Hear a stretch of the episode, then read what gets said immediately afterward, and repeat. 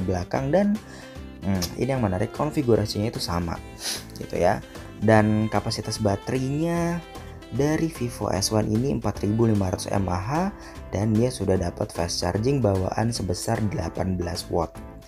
Konektornya Vivo kali ini masih menggunakan micro USB 2.0 dan dia masih dilengkapi dengan 3,5 mm headphone jacknya. Um, dia pakai dual nano SIM.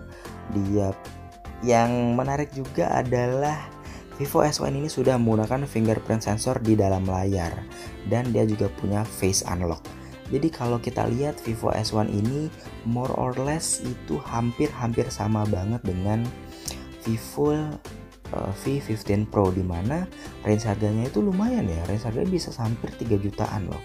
Dia sudah pakai Super AMOLED, uh, baterainya bagus, besar, um, beda di beda di ini ya beda di prosesornya. Nih kalau di V15 Pro itu pakai Snapdragon tapi kalau di S1 ini pakai MediaTek Helio P65 dia sudah bawaannya dengan Android Pie uh, Android 9 dan pakai Touch yang uh, terbaru dari Vivo kustomisasinya Pilihan warna itu ada dua, ada Skyline Blue dan Cosmic Green dan dijual dengan harga Rp3.599.000 ya, Rp3.600.000 kurang Rp1.000 saja.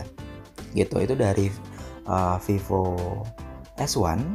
Nah, kira-kira gimana tuh? Udah cukup kebayang ya dia punya keunggulan di Super AMOLED, um, CPU MediaTek P65, uh, RAM 4 GB, media penyimpanannya 128, kamera belakang kurang lebih sama, konektornya juga hampir sama dan yang menarik adalah mengenai fingerprint sensor di dalam layarnya.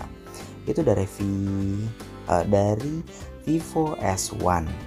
So, um, kita pengen bahas yang kedua perbeda. Uh, gue pengen kasih tahu kalian uh, spesifikasinya dulu ya supaya bisa membedakan dengan spesifikasi yang tadi udah gue jelasin di uh, Vivo S1.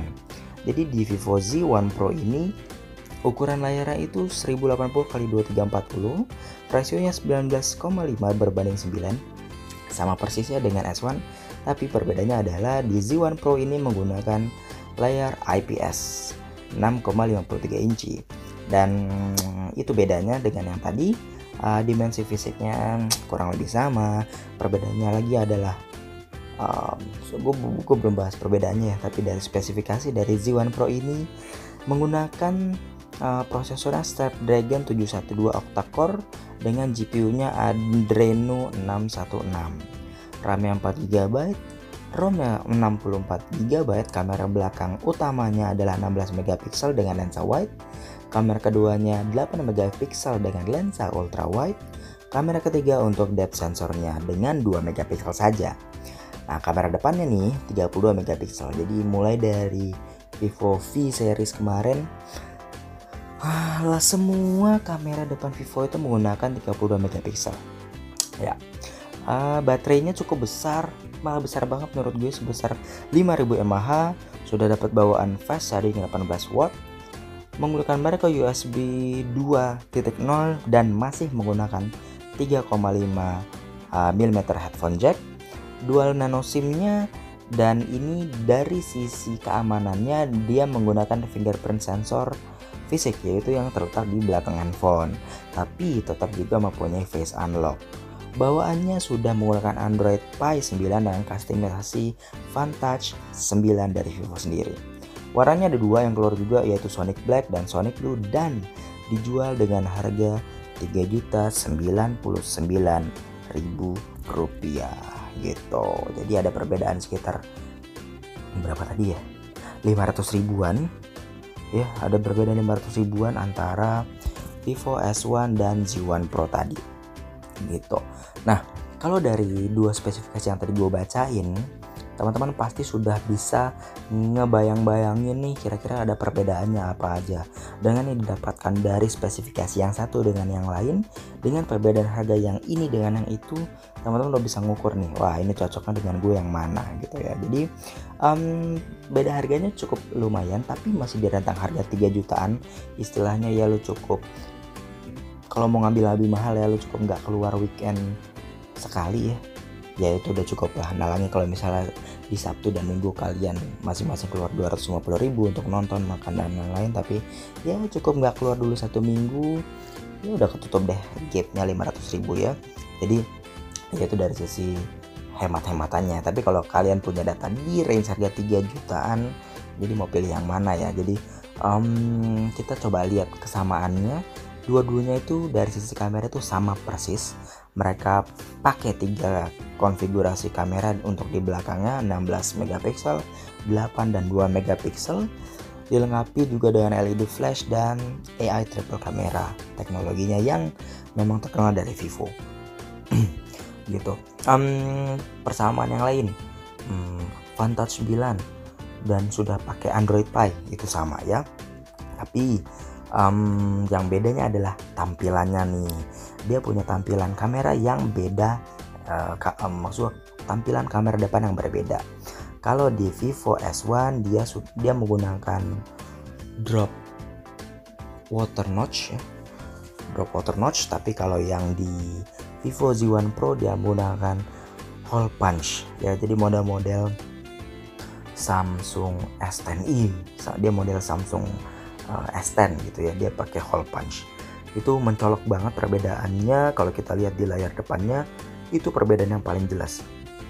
Jadi um, di dalamnya itu terletak kamera um, depan dan juga face unlock nah sensornya ya. Jadi um, itu berbeda yang jelas banget tapi kesamanya adalah dua-duanya masih menggunakan 32 megapiksel dengan uh, bukaannya itu f2.0 ya.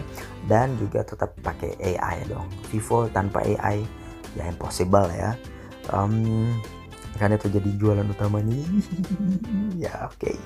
um, bedanya lagi yang mana tadi? Dari sisi layar kalau dari tampilan displaynya jelas perbedaan. Ada dari peletakan notchnya tapi dari jenis layarnya itu beda juga. S1 pakai AMOLED Super AMOLED bahkan tapi kalau Z1 Pro itu masih pakai IPS perbedaan yang jelas apa? Kalau di S1 dia bisa pakai uh, always on display.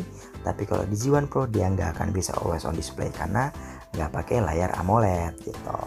Nah resolusi keduanya sama. Dia pakai Full HD Plus gitu ya. Hmm, beda lagi yang mana? Ini masih dibilang dari sisi layar juga ya karena dari S1 itu dia pakai in display fingerprint sensor jadi kalau kita lihat di bagian layarnya dia akan ada tampilan apa ya tampilan fingerprint dan itu tempat kita untuk unlocknya. Gitu. Uh, itu dari sisi uh, display. Uh, beda yang kedua adalah dari sisi baterainya ya. Kalau yang dari S1 itu 4500 mAh tapi kalau di Z1 Pro itu 5000 mAh lalu bedanya apa lagi? Bedanya ada di sisi prosesornya. Kalau di S1 itu pakai MediaTek Helio P65 gue nggak tahu ya hmm, MediaTek itu sebenarnya bagus tapi hmm, di beberapa anggapan netizen netizen orang-orang itu MediaTek itu so-so gitu. Padahal menurut gue MediaTek itu bagus kok. Ini P65 juga yang keluaran terbaru kok gitu. Kalau yang di Z1 Pro dia pakai Snapdragon 712 um, jadi akan lebih apa ya jadi lebih kayak handphone gaming ya untuk di Z1 Pro ini gitu. Itu beda perbedaan yang jelas banget. Oh ya bedaan yang perbedaan yang jelas juga adalah dari sisi hmm, bagian belakangnya ya. Karena kalau di S1 itu clean kalau di Z1 Pro itu ada fingerprint fisiknya di belakang. Um, kalau kita lihat dari S1 itu mungkin lebih ke handphone yang mungkin lebih kayak um, tagline-nya juga. S1 tuh lebih ke anak muda ya. Anak muda yang stylish anak muda yang butuh tampilan handphone yang bagus anak muda yang butuh mobile gitu karena dia baterai itu besar dan itu pasti akan bisa bisa banget untuk nemenin kita seharian. Ini review jujur kalau kita pakai F15 ah sorry Vivo V15 istri gue pakai Vivo V15 itu kamera super banget. Dia oh sorry dia baterainya super banget. Hmm, baterainya itu sebesar 4000 mAh dia cas jam 7 pagi. Dia udah pakai sekitar 4 sampai 5 bulan nih sekarang ya. Dia cas jam 7 pagi tuh dicopot casan dia berangkat kantor dia nyampe rumah lagi jam 6 jam 7 gitu. Baterainya masih 70% itu parah banget ya. Itu gila banget apalagi kalau Vivo yang kedua seri ini 4500 dan 5000 mAh waduh gila. Vivo keren banget. Dan juga di review jujur lagi ya. Um, teknologi ngecasnya itu cepet-cepetnya banget ya. Cepet banget Vivo tuh keren. Mungkin yang bisa menandingi adalah dari Vogue charge-nya Oppo ya yang bisa yang bisa menandingi itu gitu. Oke okay. hmm, itu dari S1 mungkin lebih ke stylish lebih anak muda lebih desain wise teknologi teknologi lebih kekinian fingerprint in display gitu. Tapi kalau di Z1 Pro gue ngelihatnya lebih ke hmm, handphone gaming ya. Gitu kenapa gue bilang ini lebih ke handphone gaming? Karena dia memang dari Vivo sendiri bilang kalau Z1 Pro ini lebih ngincar uh, pasar gamer yang ada di Indonesia gitu. Jadi gaming gamers yang punya budget 3 jutaan. Buktinya apa? Dia pakai chipset gaming yang 712 dengan AIE ya. Um, jadi dengan Snapdragon 712 ini um, lebih powerful harusnya ya karena tagline-nya juga powerful inside ya.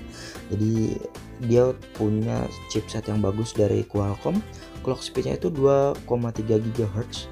Uh, sehingga mungkin ini akan mendongkrak mendongkrak performanya banget. Apalagi dia juga pakai pengolah grafisnya itu pakai GPU, ya, GPU uh, Adreno 616. Udah clock banget kayaknya. Ini jadi konfigurasi yang pas sebagai handphone gaming ya. Dan um, dia ROM-nya 64 GB tapi kita nggak nggak nggak punya micro SD slot ya di situ. Jadi kita um, eh sorry apa? Dia masih punya micro slot micro SD slot. Jadi walaupun bawaannya 64 tapi kita bisa nambah sampai 256 gitu desainnya sebenarnya nggak jelek-jelek banget dan bisa bersaing banget dengan S1 tapi dia teknologinya masih agak sedikit di belakang karena fingerprint sensornya ada di belakang gitu. Warnanya warna gradasi-gradasi yang kekinian um, mungkin kalau kita lihat rival head to headnya itu ada di Realme 3 Pro ya. Yang speed juga yang cukup gaming juga atau Samsung A50 mungkin hmm, dan apalagi ya itu sih kayaknya. Tapi ada sisi yang menarik juga dari sisi layarnya. Um, Z1 Pro ini pakai Ultra O screen hole punch gitu itu juga kekinian dan kalau orang lihat wah ini kayak Galaxy S10 i series ya S10 series gitu. Itu mungkin ya perbedaannya kalau jadi itu yang bisa gue simpulkan ya kalau um, dari sisi spesifikasi dari sisi persamaan dan uh, perbedaannya um, mungkin itu yang bisa kita simpulkan so dengan budget segitu Mau yang mana nih?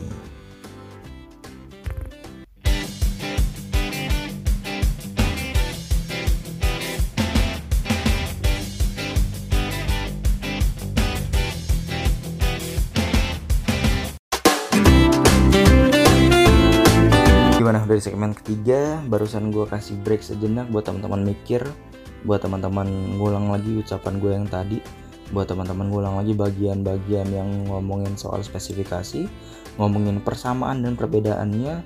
Kira-kira udah kebayang belum mau yang mana? Yang mana yang harus dibeli ya? Oke jadi ini balik lagi dengan kebutuhan teman-teman. Kalau gue bilang dari sisi S1 itu dia menawarkan sisi desain yang lebih mewah layar yang lebih mewah dan kalau teman-teman di dalam komunitas gitu ngebuka handphonenya pakai in display fingerprint sensor mungkin akan lebih uh, futuristik gitu ya sehingga akan lebih dilirik wah itu handphone apaan nih? Lebih stylish lebih uh, fashionable gitu ya. Jadi ya itu dari buat kebutuhan teman-teman yang anak muda yang stylish fashionable dan lain-lain tadi. Mungkin uh, bisa memilih Vivo S1 karena ya tadi teknologi dan desainnya yang lebih kekinian, lebih baru, lebih apa ya, lebih happening gitu ya.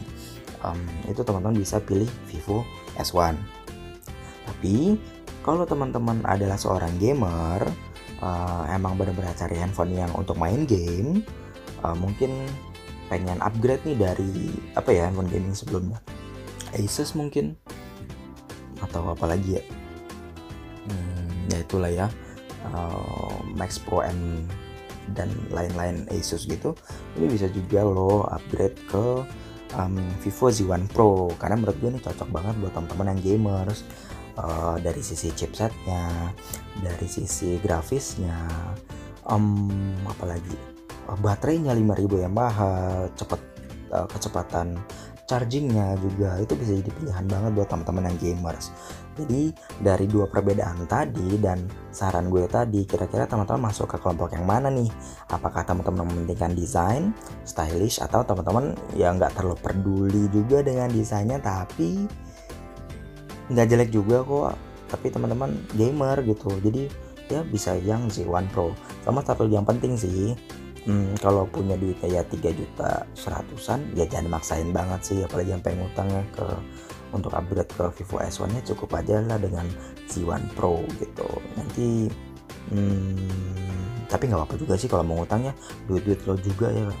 Yaitu ya kalau perbanyak lah cicilan jadi kita lebih lebih semangat untuk kerja gitu ya oke? Okay? itu kata mutiara dari gue. So itu untuk uh, podcast Tech Pop dari episode ke-16 di range handphone 3 jutaan mau pilih yang mana? Vivo kok banyak banget ya ngeluarin handphonenya kita mau pilih yang mana? Jadi ya cek it out aja lah kalau teman-teman butuh informasi uh, mau beli gadget yang mana uh, silahkan cek ke podcast ini. Gue bisa kasih saran yang menurut gue bermanfaat untuk teman-teman dan bisa membantu teman-teman untuk memutuskan mau handphone yang mana. So ya yeah, well done Vivo Bye bye sampai ketemu di episode selanjutnya. Jangan lupa closing. Bye bye.